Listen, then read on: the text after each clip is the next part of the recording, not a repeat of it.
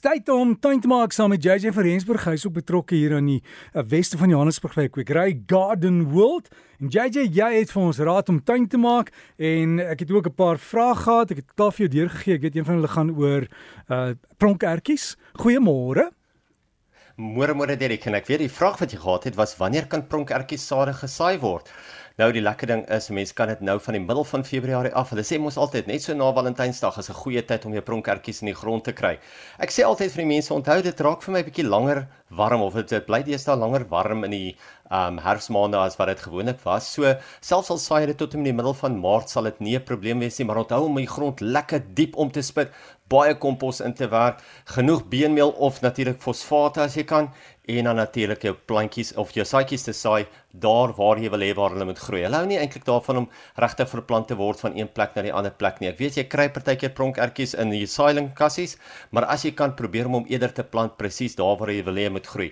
En dan moet jy ook onthou gaan jy 'n rankpronkertjie plant of gaan jy 'n bospronkertjie plant want natuurlik is daar so die twee variëteite so wil ons eerder 'n stoelpronkertjie of gaan ons wel vir hom ietsie gee om teen te rank so jy moet die regte pronkertjie ook plant JJ, ek het ook 'n uh, navraag gehad en 'n uh, observasie. Iemand het hulle plaveisel, weet baie keer is die plaveisel loop so mooi deur die tuin en die plante, het hulle dat skoonmaak en hulle het chemiese produkte gebruik wat toe in die tuin ingegaan het en omtrent al hulle bome doodgemaak het. Jogg, direk, dit is 'n lelike ene daai. Kom ek wil net vinnig noem voordat ek verder gaan.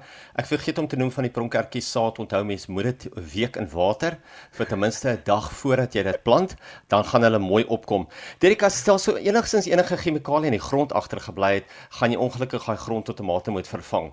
Jy gaan nie net iets kan bymeng om van die chemikalie ontslae te raak nie en veral as bome in son gevrek het, dan was dit regtig 'n baie sterk chemikalie wat hulle gebruik het.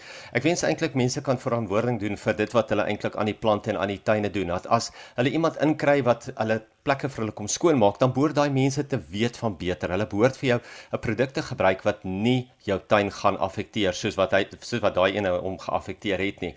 Maar ja, probeer maar eerder om van daai grond te vervang. En JJ dan baie mense het ook weet terwyl ons praat oor die plaveisel het hulle probleme met mos. Iemand het vir my die raad gegee, jy gooi net gewone waspoeier op dit en net so voor die reën en laat dit net bietjie sit en as dit reën dan die waspoeier sorteer dit glo uit. So jy moet dit dalk probeer, hoor. Ja nee, kyk definitief, ek dink die waspoeier kan werk. Ek het al gewone blykmiddel gebruik wat ek dit gemeng het in 'n gieter en ook net so voordat dit gereën het, gooi goed nat gegooi so gelos vir om 'n halfuur of so en dan sommer in die reën of net nadat dit gereën het om lekker afgewas, afgeborsel met 'n sterk borsel en dan het 'n mens ook nie probleme met die mos op die plaveisel nie. Maar Derek, ja nee, dit is hoe mense by al hierdie boere raad uitkom en alles wat 'n mens leer. Mens moet net pas op om te veel seep in die tuin te gebruik want natuurlik waspoeier is nie so sterk soos jou gewone skoolgoed seep nie, maar hy kan nog steeds skade aanreg. Ja. JJ en ek weet ons het 'n bietjie afgewyk, maar jy daar 'n hele lys van dinge wat moet gebeur hierdie tyd van die jaar in die tuin? Daar's hy direk, ja.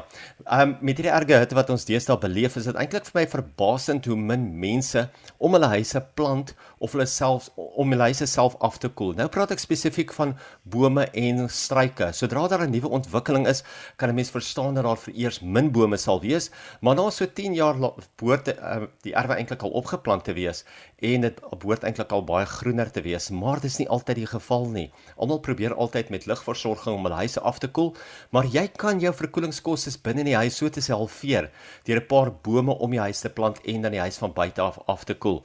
Wees wys wanneer jy jou boom plant om nie jou oggendwinterson weg te vat nie. Maak seker van die wortelstelsel asook hoe ver jy die boom van die gebou af kan plant. Onthou baie kere is dit nie dat die boom se wortels die gebou self gaan seermaak nie, maar dat die boom self nie 'n mooi vorm gaan hê as hy reg teenoor 'n gebou geplant word nie. As jy bang is dat jy jou winterson heeltemal gaan verloor, moet jy bladwisselende bome oorweeg en as jy dalk in 'n huis is met 'n kleiner erf, kan jy ook grootgroeiende struike oorweeg in plaas van bome. Maar kom ons probeer om ons huise sommer van buite af af te koel sodat ons nie sukkel met daai verskriklike hitte in die huis en op die dakke nie. Ek het ook al verskeie kere gepraat oor verskillende produkte wat mense in jou tuin in potte en hangmatjies kan gebruik om water terug te hou. En mense het my baie uitgevra daaroor dat ek bietjie meer moet uitbrei oor wat beskikbaar is. Nou palmveen is deesdae sekerlik sekerlik die maklikste verkrygbaar en dan is daar ook die bekende vermiculite, die perlite as ook verskillende jellies soos die Hydrocash en die Excel gel. Nou wat ek nooit van praat nie is eintlik 'n voordeel van palmveen wat uh min mense eintlik van weet en dit is dat palmveen plantvoedingsstowwe absorbeer en dit selfsalmatig ook aan die plante vrystel.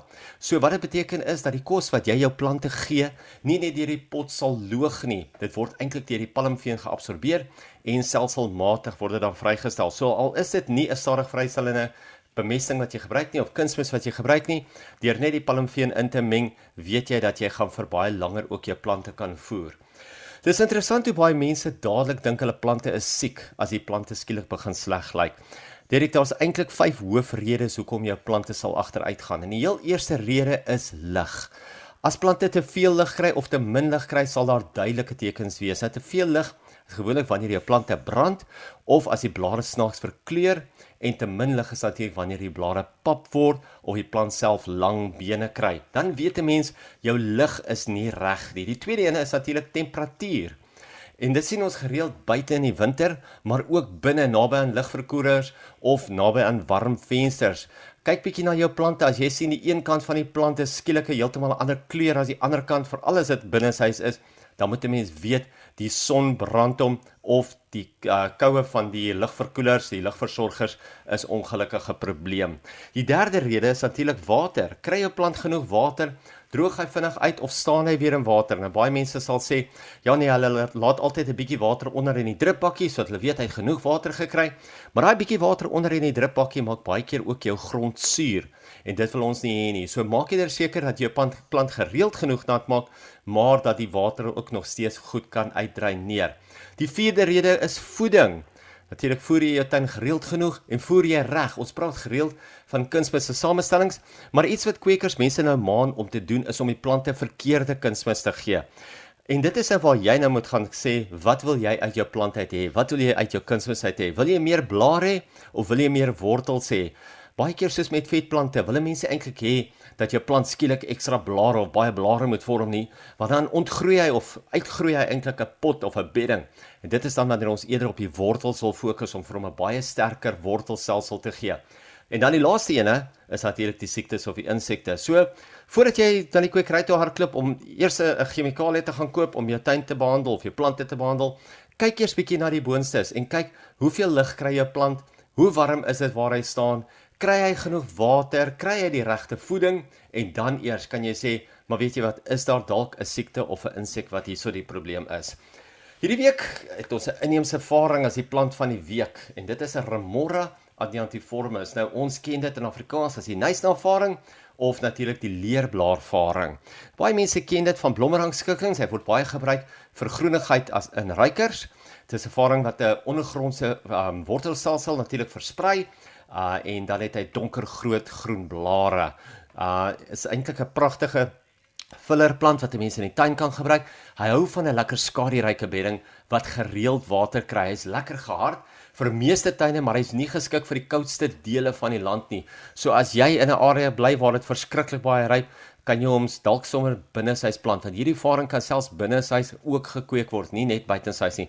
Blare stoot se om en by 50 cm hoog by die grond uit en is een van daai hoe meer 'n mens water gee, hoe meer 'n mens voer, hoe meer 'n mens terugsny, hoe mooier groei hy uit. So gaan kyk bietjie uit vra vir die kwekery, hoe lyk julle nuisnavarings of julle leerblaarvarings en as jy nog steeds snaaks aankyk, gee vir hulle die botaniese naam Remora. JJ van Rensburg wat so gesels oor tuin maak en as jy enige inligting nodig het, ons plaas altyd die plant van die week op die Breakfast Facebook bladsy met fotos. So ek na gaan kyk en JJ sal ook die raad alles daar plaas. En dan kan jy lekker tuin maak.